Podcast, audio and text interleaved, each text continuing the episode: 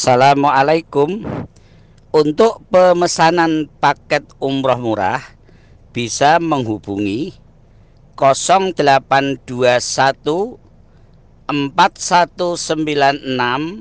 0857 Kami ulangi sekali lagi Untuk pemesanan paket umroh murah Bisa menghubungi 0821 4196 0857 Sekali lagi 0821 4196 0857 Terima kasih.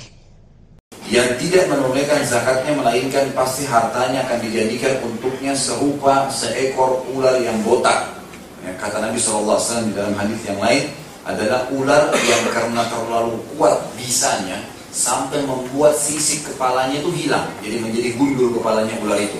Berubah menjadi ular yang besar lalu melilit tubuhnya dengan sangat kuat sampai membuat tulang rusuknya remuk. Kemudian kepalanya mematok-matok kepala orang yang tidak mengeluarkan zakat tadi. Lalu ular itu berkata, Akulah hartamu yang selama ini kau tidak keluarkan. Akulah selama ini hartamu yang kau tidak keluarkan. Kalian diperintahkan melaksanakan sholat dan membayar zakat. Barang siapa yang tidak membayar zakat, maka sholatnya tidak sah. Bismillahirrahmanirrahim. Saya bacakan sekarang dalilnya tentang tidak boleh atau uh, besar yang kelima tidak membayar zakat. Dikatakan oleh Imam Az-Zahabi dalil pertama surah Fussilat ayat 6 dan ayat 7 yang pegang bukunya bisa lihat halaman 22. A'udzu billahi minasyaitonir rajim wa wailun lil musyrikin alladzina la yu'tuna az-zakata wa hum bil akhirati hum kafirun. Dan kecelakaan besarlah bagi orang-orang yang mempersekutukan Allah yaitu orang-orang yang tidak menunaikan zakat dan mereka kafir akan adanya kehidupan akhirat. Kata para ulama tafsir berarti ada ancaman di sini kecelakaan ya, kesusahan hidup, kebinasaan bagi orang yang tidak mengeluarkan zakatnya. Kemudian juga firman Allah dalam surah At-Taubah ayat 34 sampai 35. A'udzu billahi minasyaitonir rajim walladzina yaknizuna adh-dhahaba wal fiddata wa yunfiquna fi sabilillah fabashshirhum bi'adzabin alim. Yawma yuhma 'alaiha fi nari jahannam. Itu ada titik-titik yang pegang buku. Lihat footnote lanjutan ayatnya di bawah. Fatuqwa biha jibahuhum wa junubuhum wa dhuhuruhum Hadza ma kanastum li anfusikum fadhuku ma, ma, kuntum taknizun. Dan orang-orang yang menyimpan-nyimpan harta emas dan perak dan tidak menafkahkannya pada jalan Allah, maksudnya tidak mengeluarkan zakatnya, maka beritahukanlah kepada mereka bahwasanya mereka akan mendapatkan siksa yang pedih. Pada hari dipanaskan emas dan perak itu di dalam neraka jahanam. Lalu lanjutan footnote terjemahannya, lalu dengan itulah disetrikakan dahi, lambung dan punggung mereka Lalu dikatakan kepada mereka, inilah harta bendamu yang kamu simpan untuk dirimu sendiri, maka rasakanlah sekarang akibat dari apa yang kamu simpan itu. Kita perlu tahu Bapak Ibu sekalian, sebagai para muhabahan muhasabah, kita lahir di muka bumi ini dalam kondisi tidak pakai baju, selembar kain pun. Dan kita dibungkus pertama kali dengan selembar selimut saja oleh susternya. Atau orang pengurus di rumah sakit atau bidannya. Dan pada saat kita meninggal, sama kasusnya semua tidak ada pakaian lagi kecuali lembaran kain kafan saja. Banyak orang tidak paham, nggak mau zakat, nggak mau sodaka, hartanya bertumpuk-tumpuk di rekeningnya sekian banyak, bangga dengan jumlah print bukunya, ini sekian miliar, ini sekian ratus juta, dan tidak pernah berpikir mengeluarkan zakat atau sodakahnya. Kira-kira untuk apa disimpan dia? Tidak akan tidak akan bermanfaat bagi dia. Kalau dia meninggal tiba-tiba, maka akan dibagi oleh ahli waris. Apa kata Nabi Shallallahu Alaihi Wasallam? Lalu seorang sahabat bertanya Rasulullah, mana harta saya yang paling baik? Harta yang saya yang saya infakkan di jalan Allah selama saya hidup, atau harta yang saya tinggalkan untuk ahli waris saya? Kata Nabi SAW, harta yang kau infakkan selama kau hidup.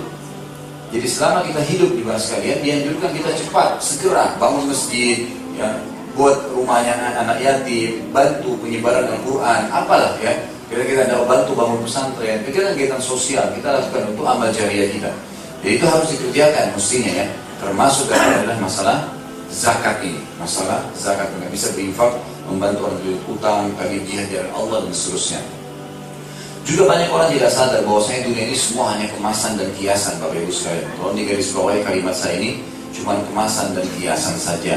Kalau kita meninggal Bapak Ibu sekalian, baju yang kita beli mahal pun, mobil yang kita beli mahal, rumah kita yang kita beli mahal, tetap nanti hanya akan jadi kenangan orang.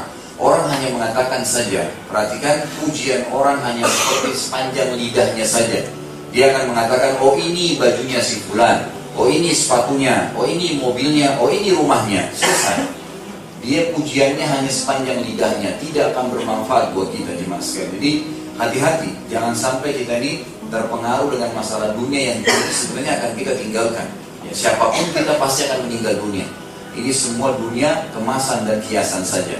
Kalau Bapak Ibu pernah ingat saya kasih contoh, bukti dunia ini hanya kemasan dan kiasan. Tidak ada bedanya sebenarnya antara orang yang makan di piring emas dengan orang yang makan di daun pisang.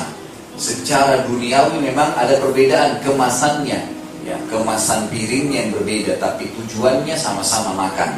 Orang yang tidur di pinggir jalan tidak pakai selimut, tidak pakai kasur, dengan tidak pakai bantal pun, dengan orang yang tidur di atas ranjang mewah ratusan juta, keramiknya semua marmer pakai AC, itu sebenarnya secara kemasan dunia memang berbeda, tetapi tujuannya sama tidur. Maka ini harus dipahami bahwasanya dunia akan kita tinggalkan. Jangan sampai harta membuat kita lalai.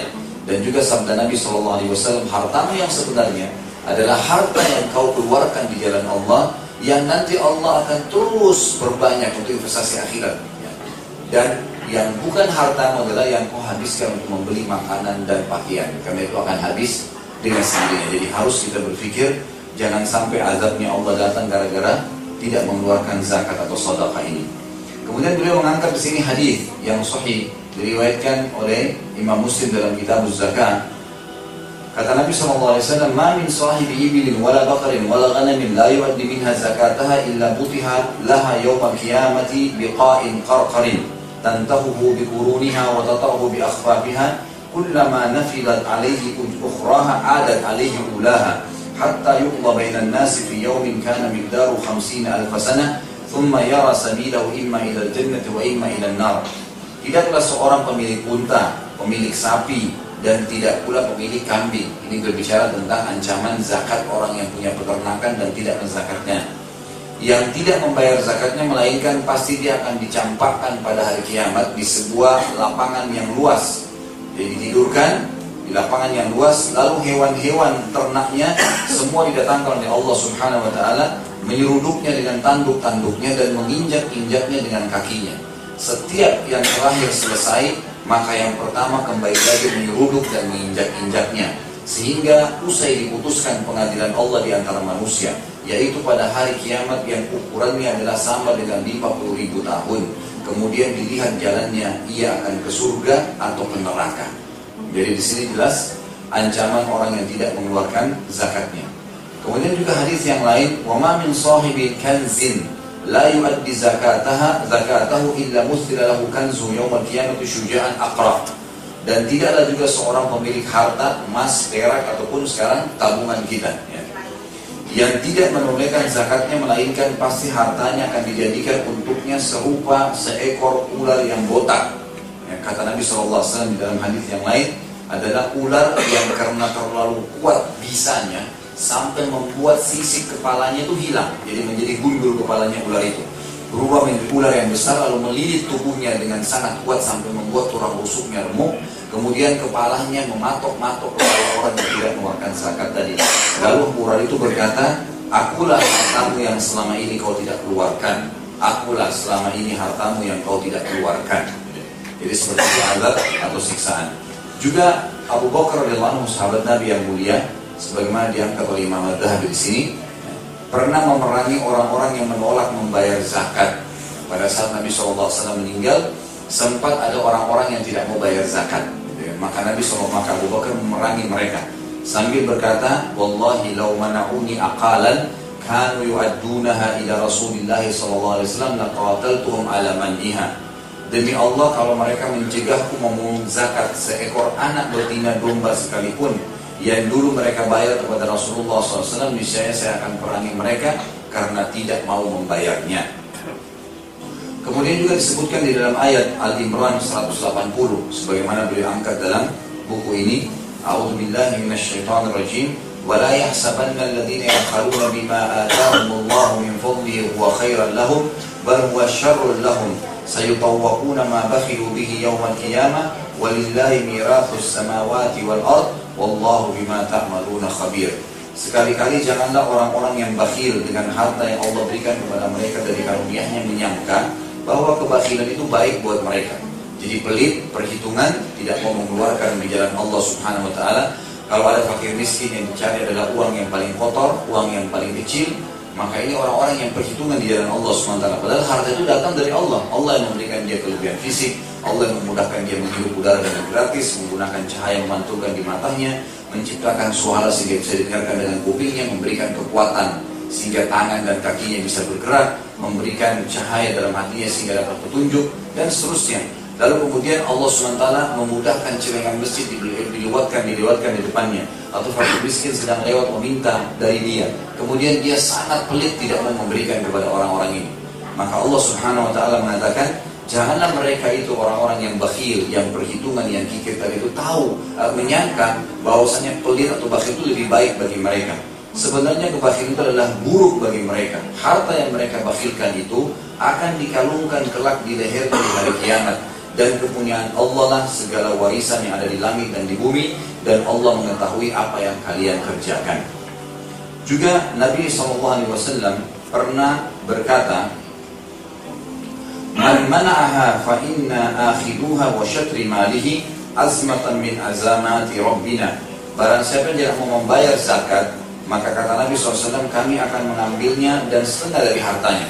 Jadi pemerintah dalam Islam itu punya kekuatan Bapak Ibu sekalian. Kalau ada, ini kalau pemerintahan Islam ya, kalau ada satu orang pengetahuan, punya kemampuan muslim, dan dia tidak ngeluarin zakatnya, sementara sudah ditahu orang ini memang punya haul dan nisab, dia tidak keluarkan maka pemerintah dalam Islam punya hak mengambil zakat malnya secara paksa sebagaimana sabda Nabi SAW barang siapa tidak mau membayar zakat maka kami akan mengambilnya dengan cara ya, sistem peraturan.